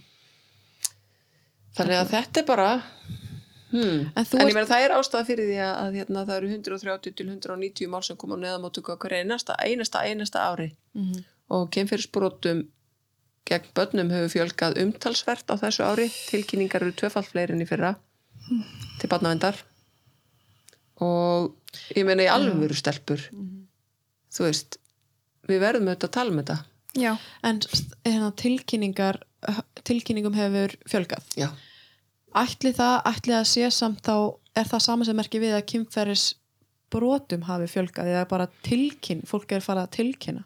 Uh, bæði. Mm Mm uh, sko tilkynningum til barnavendar til dæmis almennt uh, það er hríðfjallu fyrst í COVID í fyrra. Uh, þegar að skólarnir lokuðu á það. Og það var mikið hættumerki af því að uh, börnin voru í rauninni loku heima. -hmm. og það voru ekki skólar til þess að láta vita að það væri ekki allt í lagi. Þannig að það var, það var mjög mikið hættumerki og það var svona farið í það að reyna að, að, að fa- það var bara farið í átak veit ég allavega hér í Reykjavík. Mhm. að, að uh, sko fara og, og skema þau heimili sem að voru viðkvæm, sem vita var um að væri viðkvæm. Til þess aðtók hvort það var allt í lagi. Úff. Já, og þetta gerist auðvitað um allan heim Mhm. Já, en svo bara fór tilkynningunum að fjölga alveg rosalega og þeim fjölgaði mjög hratt mikið í Þegar, COVID já, þegar þegar álægi var meira bara, það var allir heima og, og drikja jógst og Mhm. fólk misti vinnuna og það var bara alls konar félagslega vandamál Mhm. en þá fór þeim að fjölga aftur og þegar skólanir opnuðu aftur já, þegar skólinn opnað Já. aftur þá fór þeim að fjölga, já Mhm. Og þegar að svona kerfið allt í nú opnaði augun fyrir því býtu af hverju hefur þeim fækkað svona mikið tilkynningunum? Mm -hmm. hvað ætli það sé? Að það var það auðvitað af því að það var engin það var ekkert utanumhald til þess að til þess að- til þess að, til þess að spotta hvað var í gangi. Úff, þá fóru þau að fara bara út í hverfin að, að tjekka það er gott. Mm. á sama tíma já, já, já, skiptir öllu máli Já, frábært að vera aðtuga svona máli en alltaf bara Mhm. ræðilega að þetta sé að gerast sko. já, og, og ég sá bara í morgunum það ger að, að sem sagt tilkynningum um kemfyrirsbrot gegn bannum þeim fjölgaði mjög mikið á síðasta ári. Nei, á síðasta, hérna á fyrstu sex mánuðum þess árs Já, Svo veistu hvað? við Hversu í mikið? fyrra og líka meða við árið í hitti fyrra hversu mikið e, já, ég skrifaði það hjá mér í síman en hann er frammi Ég En erum við það að tala ekki. um eitthvað um helming eða já, það, já, það er það er mjög mikil fjölgun þetta er ræðilegt Já. Það manni verið bara í maðanum sko. já, en, en þú ert hérna hvernig finnst þér þess að nú ert ekki starfandi sem lögfræðingur í dag hm, vegna svo ert í, í hérna frambóði ekki? já og að því ég er á þingi ég er já, já, þú þingmaður ert þingmaður. Já. já, já. já. þannig að, að þá hérna fannst mér einhvern veginn ekki passa að vera í lögmennsku með Nei, er hérna ertu einhvern tímann að hugsa þegar langi til þess að fara tilbaka í já, oft og ég ætla að gera það. Ég, hérna, þingmennskan er í rauninni svona finnst mér vera bara svona borgarleg þjónusta já, sem ég horfi á sem tímabundið. Ég er búin að vera í fjögur ár og hérna og er til í að vera áfram núna. En ég ætla að fara aftur lögma sko alveg absolutt. Og ég auðvitað er ofta að ráðleggja fólki þó ég sé ekki að vinna við þetta Er þetta eitthvað svo tókst með þér inn á þing? Eitthvað svona einhverja breytingar sem þú vildir sjá sem þú Já, sko, ég hérna eh, síðustu tvö árin hafa í rauninni verið alveg undir lögð í velferðarkerfinu. Uh, þar að segja heilbyrðiskerfinu og velferðarkerfinu. Auðvitað COVID, en ég tók við velferðarnemnd uh, hausti 2019 og, og svo nefnd er bara mjög þung. Hún sér um mjög þunga málflokka þannig að svona störfin mín á þingi hafa því miður bara farið svolítið í þá átt. En fyrsta málið sem að ég hérna, og svo er það þannig að maður það er nefndir sem maður er í maður er svolítið mikið að vinna í þeim. Mhm. uh, varðandi svona réttarkerfið og, og, og þessa brotaflokka þá er það í nefnd sem heitir allsærjar og mentamálanemnd og ég er ekki þeirri nefnd. En enga síður þá hef ég eh, bæði verið með á málum og, og flutt mál að einn frumkvæði sem að hafa skipt mér máli og eitt sem ég náði alla leið í gegn og það var breyting á barnalögunum að því að það var þannig þangað til að máli mitt var samþykkt að ef að faðir út í bæ eða maður út í bæ uh, taldi sig vera föður barns uh, sem að var feðrað öðrum uh, þá gat hann ekki látið leiðrétta það Nú, Eh, ok. og það er þannig að þegar kona eignast batn og ef hún er í sambúð, skráði sambúð eða gift eða ef hún bara feðrar bara með yfirlýsingu þá getur hún í rauninni bara uh, rángfeðra barn þó hún viti að það sé annað sem á barnið eða var þannig. Og, og, og er þannig í dag að, að barnið sjálfkrafa feðra þeim sem að hún býr með Já. eða gift eða þá að hún bara hérna fyllir út svona yfirlýsingu um að þetta sé pappin og við komum til pappi skrifar undir. Og uh, það getur gerst að, að kona sem að eigna spann uh, hérna utan hjónabands uh, vilji ekki hleypa réttum föður að. Og það var þannig fyrir breytinguna að uh, það voru bara barnið sjálft og móðurinn sem gáttu farið í faðernismál látið kanna hvort að barnið væri barn þessa föður sem er út í bæ. Mm. og ég, mér fannst það mjög óriðtlátt og hafði verið með mál manns í vinnunum minni, gömlu sem að hafði farið í maðuraskoðun með konunni kæristun sinni og, og allt og hérna og þau voru bara að fara að eignast þetta batt saman. Og svo ákveður hún að hætta við að skilja við mannin sinn sem þau voru þó búin að flytja í sundur en voru ennþá sko gift á pappirum Já. og ákveður að, að, að hætta við að skilja við manni sinn og, og fer að vera aftur með einmanni sínum og bara lokar alveg á pappan. Og þá átti hann bara ekki breyk. Þá gæti hann ekki fengið að hérna, kynna spanninu sínu. Hann þá pappin átti hann í rauninni ekki barni lengur. Nei. átti ekki barnið, hann hafði verið skráður faðir á, á, á, á, á hérna, skýsluna í byrjun. Mætt alltaf í, voru að fylgjast með og skoði sónar og svona. En hann getur ekki farið fram á hann gæti ekki Hann þá til að málið mitt komst í gegnum. Mér fannst þetta svo óréttlátt. Mhm. af því að hérna, þó að hérna, þó að ég sé mikill feministi að þá er ég líka sko, Já. þú veist, ég menna þetta er bara grundvallar réttur barns að fá að þekki báða fóreldra sína Mhm. og ég var með nokkur mál þar sem að börn líka voru að leita að fóreldri sínu voru að reyna að fá staðfestingu á faðerni Mhm. og það er mjög flókið að burðast með það allæfi þannig að mér fannst það mikill sigur að geta laga þetta Mhm. Trúi því. Já, þannig að mér finnst það gott en, hérna, en svo auðvitað var ég með á málinu sem að varðaði það að hérna, sem er svona samþykkis frumvarp, það var búið að le- leggja það oft fyrir þingið, þar að segja að þú þarft að fá samþykki fyrir, fyrir eh, hérna, því að, að, að sofa hjá annari mannsku þú þarft í rauninni að sína fram á að, að við komandi hafi viljað stunda með þér kynlíf. Ok, og það, er, það, það var breyting sem var sett inn í lögin. Þannig að í rauninni þarftu, er það þá skriflegan samning Nei, ekki Nei, skriflega bara- en, en, hvernig- en sko hvernig e, þú veist, þannig að núna er það þannig fyrir dómi að þú, uh, þú hérna, þarft í rauninni að sína fram á að viðkomandi hafi veitt samþykki fyrir kynlífinu mm -hmm. áður var það í rauninni ekki þannig það var bara nei, þýði nei Mhm. og ef þú segir ekki nei að þá er það mættir bara ganga þinn veg Já. skilur að ef, ef þú fær ekki skýrt nei að þá máttu sofa hjá viðkomandi Mhm. það er auðvitað algjör skekkja mm algjörlega það er algjör skekkja Mhm. því að ég meina alveg eins og bara ef að hérna e, hús er ólæst máttu þú bara lappa inn Mhm. nei eða ef bíll er ólæstur máttu þú bara setjast inn í hann nei Mhm.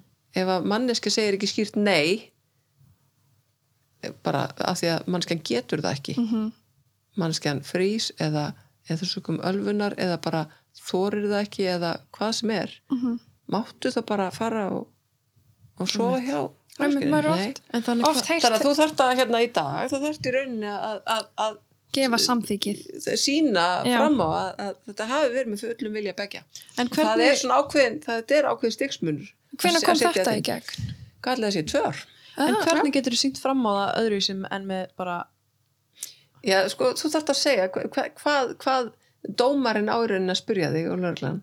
Hérna, af hverju, af hverju taldur þetta að vera með samþykki hins Mm. aðilans? Mhm. Hvað var það í fari hins Mhm. aðilans sem að let þig halda að þetta væri með samþykki?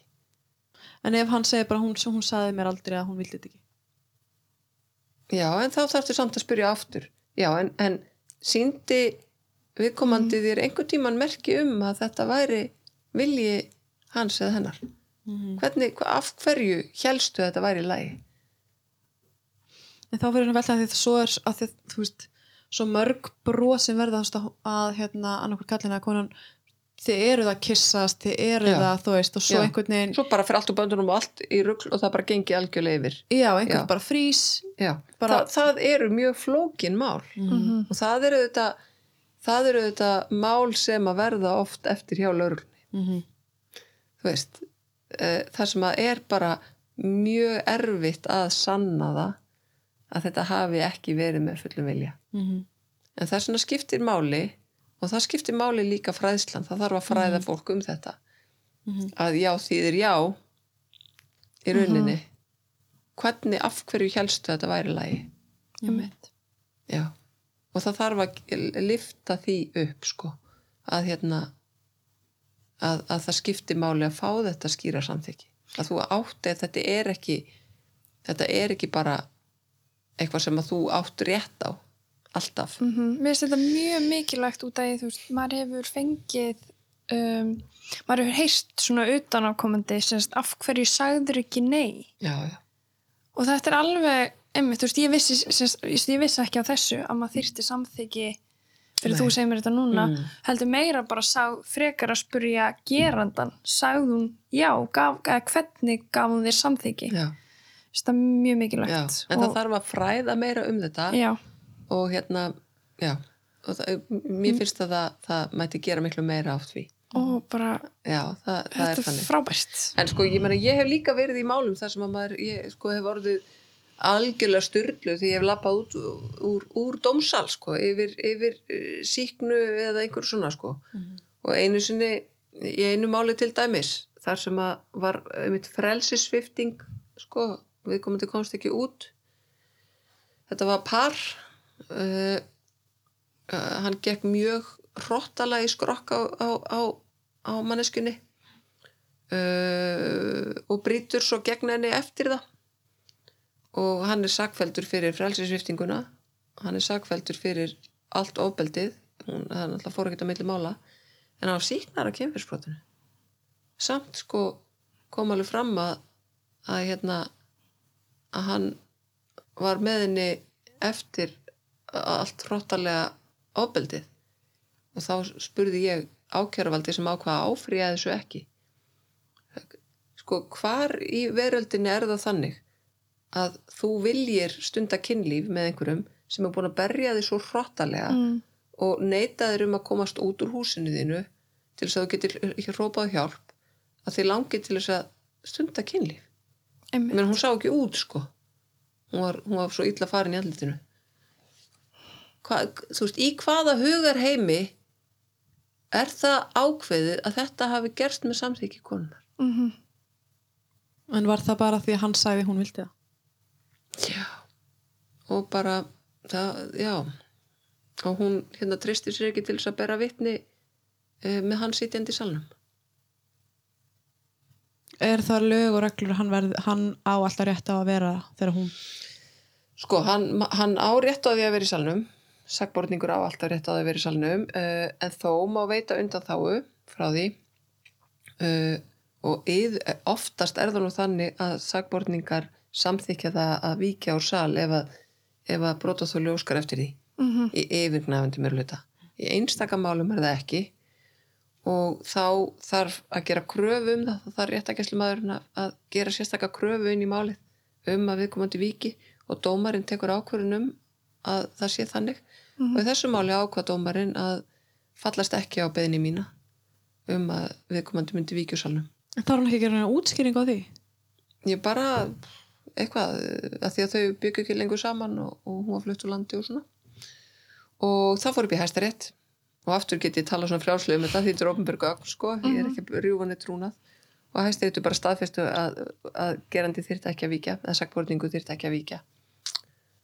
Og þegar að hún kemur inn í, inn í dómsal og þetta sér hann í fyrsta skipti síðan þetta var átt sér stað þetta var svo fráttalegt sko að nagrunnin heldu að það væri verið að myrða hana ringd á lauruglu að hérna út af óhljóðum að þá uh, þá auðvitað frýs hún alveg og, og bara getur ekki hugsað sér að tala en hún er mætt þarna og verður að tjá sig. En það er regla í lögunum að þú ert í rauninu undan skilin uh, vitnaskildu skildu til að tjá þig sem vitni það er svo annur eða brotaþólu séu vitni en ok.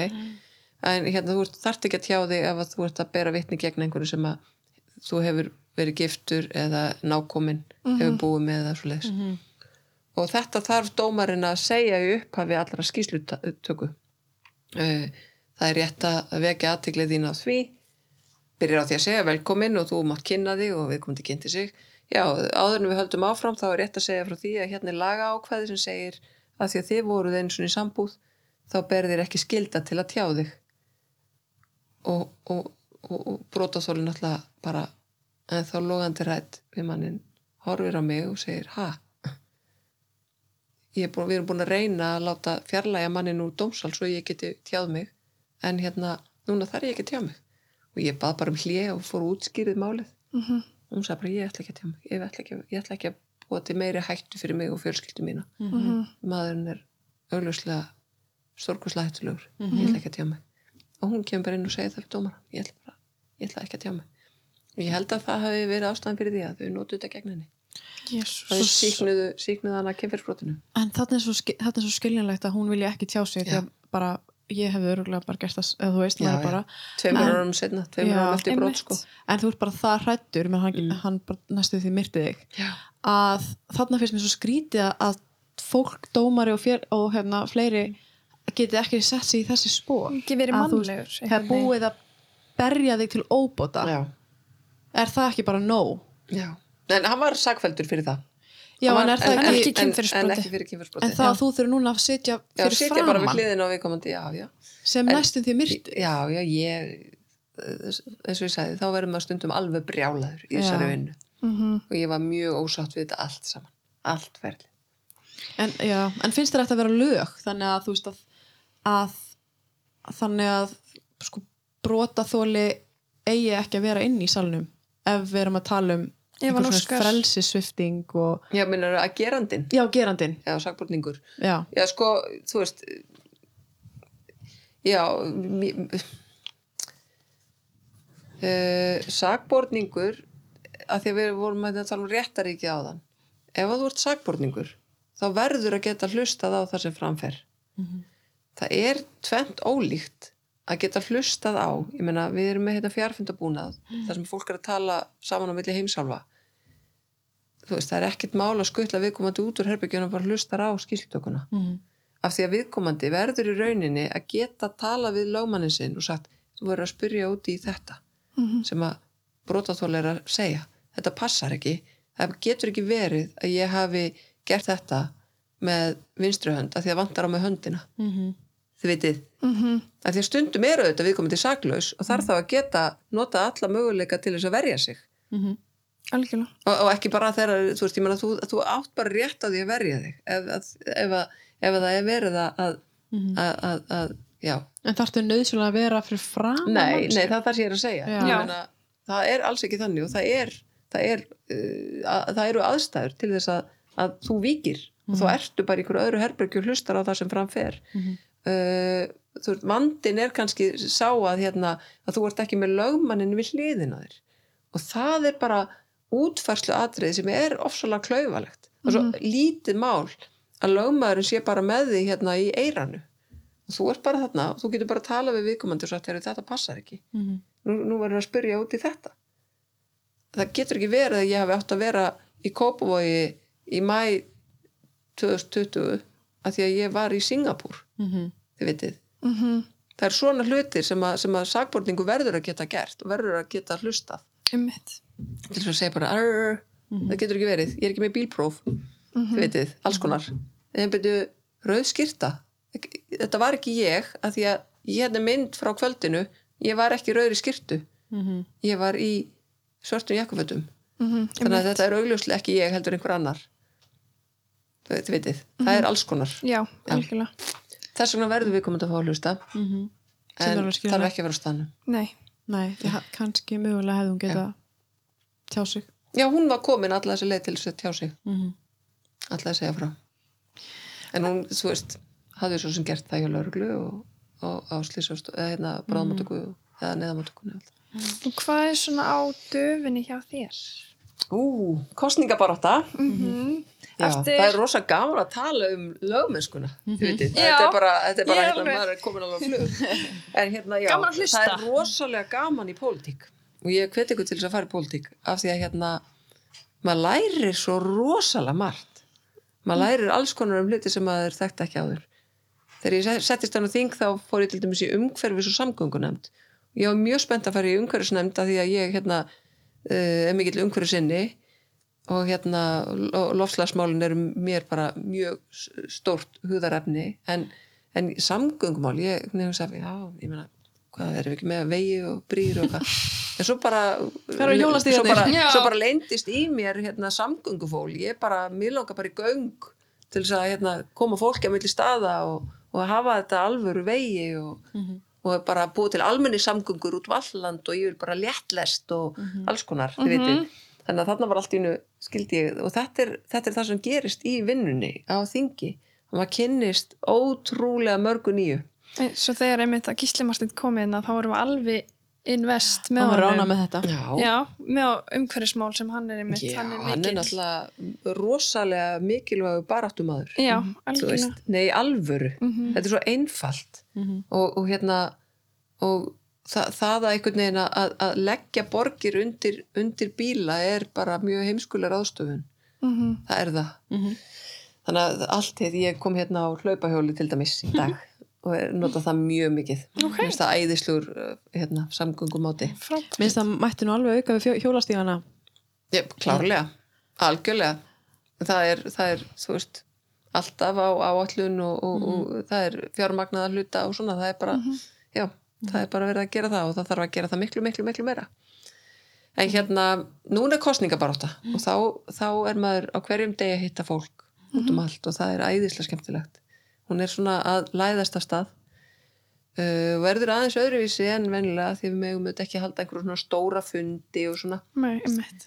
En við erum að opna kostningarskrifstofun okkar á laugavegi og, og, hérna, og kynna stefnun okkar og Hver Það er er aftur með þér í, í hérna í, samfélkingunni. já, svona, ég veit náttúrulega Kristján Frosta Já, hún er, hún er, ég er oddviti í Reykjavík Norður, Mhm. fyrsta seti og hún er í Reykjavík Suður og það er fáránlegt að við séum hérna með tvö kjördami í Reykjavík en það er að því að búa svo margir í Reykjavík að það verður að vera þannig. Fólk veit ofta ekki hvor er hvar sko, en ég er sem sagt hérna, ég er esjumegin við ringbraut og miklubraut og, og, og Kristrún er, er hérna, er keilismegin. Já, ok. hún er með foss og breiðalt og svona og ég er hérna með gráin og, og miðbæinn, ég á alla tónleikastaðina. Hún á flugvillin ég á höfnina. Þessu, Monopoli já, já, já, já, já. Hún reynda með tvo háskóla. Nei, já, ég er með einn, ég er með lista háskólan. Þú ert með listaháskólann? Já, já. Það? Allavega, ég er með alla, eiginlega alla barina, það er rosalega. nei, nei, og hérna, já, við, við Kristrún erum þarna átvitar og svo er er Jóhann Páll uh, sem var á stundinni, hann er í öðru sætti eftir mér og Rósa Björk sem er, er hérna þingmaður, uh, nýkominn til samfélkingarnar, var í vafki áður, hún er í öðru sætti eftir Kristrúnu og svo er mikla kanonur í þriðasæti hjá Kristrún er Viðar Eggersson sem er búin að vera í, í, í hérna, starfstjálfun að verða eldriborgari síðustu ár og er núna að bresta á að verða fullgildur eldriborgari frábærgaur, hann er leikari og, og leikstjóri og hefur verið hérna, starfi í fjölmiðlum árum saman. Frábært. og mín megin er Dagbjörn Hákonadóttir sem er mikill spútnik, hún er hérna hefur verið að vinna sem svona persónuvendar hérna snillingur í Reykjavíkuborg Já, ég elska hann á Twitter sko. Já, hún er æði, hún er bara ógeðslega klár og frábær og hérna svona mikið baráttu manneskja fyrir hérna bara fjölskyldufólk, ungt fólk, þið veitir bara daglegt líf fyrir venlegt fólk. Geti hérna please gert það einfaldara. Einmitt. Já, og svo erum við með, já, af alls konar fólk, ég meina, erum bara Þetta er góður hópur Já, frábær hópur. Og þetta eru reykvíkingarnir og svo er þetta logi formaður, hann er æði. Hann, hann er rauninni ástæðan fyrir því að ég ákvað svona að gefa pólitíkin aftur séns. mm -hmm. Því að hann hérna, hann er arkitekt og hugsa svolítið svona, hann er svona óhefbundin pólitíkus. Hann er ekki inn í svona kassa, hann hugsa út fyrir bóksið og svona hefur oft mjög skemmtilega og frjóa sína á stjórnmáli. Mér finnst það svona einkennast svolítið ykkar hérna, flokk bara þetta hérna, svona ólíkt, ólíkir einstaklingar og allt svona mjög svona, hvað segir, svona, svona, creative, svona skapandi Já, fólk Mm. mjög svona likeable sko. Já, já, við erum bara alls konar Mhm. einmitt, og hérna og kannski gátu við það líka af því að við fórum í uppstillingu sem var það rosa skítastormi Mhm. þú veist að, er, að fólk hefur miklu skoðun á því en það var farið í að raða á lista núna í staðin fyrir að fara í prófkjör Mhm. og þá er svolítið hægt að svona búa til þessa mynd af ólíkum einstaklingum Einmitt. þá er ekki allir með sömu mentun á sama aldri eða, eða koma úr sama bakgrunni Einmitt. það er auðvitað ákveðin kostur að reyna að búa til svona litróf til þess að við náum að spekla sem best bara alls konar alls konar veröld Mhm. Algjörlega.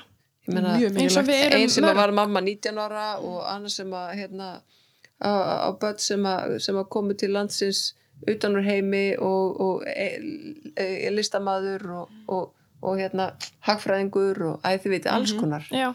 Akkurat. en rosalega margir sem eiga hunda sem, sem er hund. Áttu hund? nei, ég er kísukona sko kísu? ég, ég á hérna, einn, einn af frægari köttum Vesturbæðar Nú, byttu. hann heitir Júri og hann, hann er mikill mannvinnur og Nú. heimsækir mjög marga Ok, ég ekki séð. Hæ?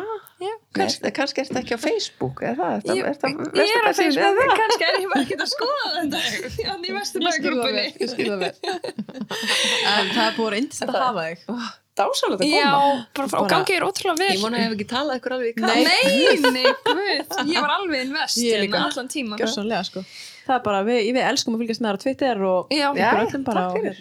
Þú ert með frænginar Kolbrúnbindu líka. Já, Já. Það bygg sjátt á hana. Við erum, við erum hérna, mikla baráttu systur. já, þeir eru Heldur það. Já. Og Og bara, yndislega báðar. Og Já. ótrúlega mikilvæg ykkar barátta. Þannig að Takk takk fyrir fyrir. að, hérna, takk fyrir það. takk fyrir að bjóða mér og takk fyrir að berjast. Sem Takk er fyrir leiðis. sem er leiðis.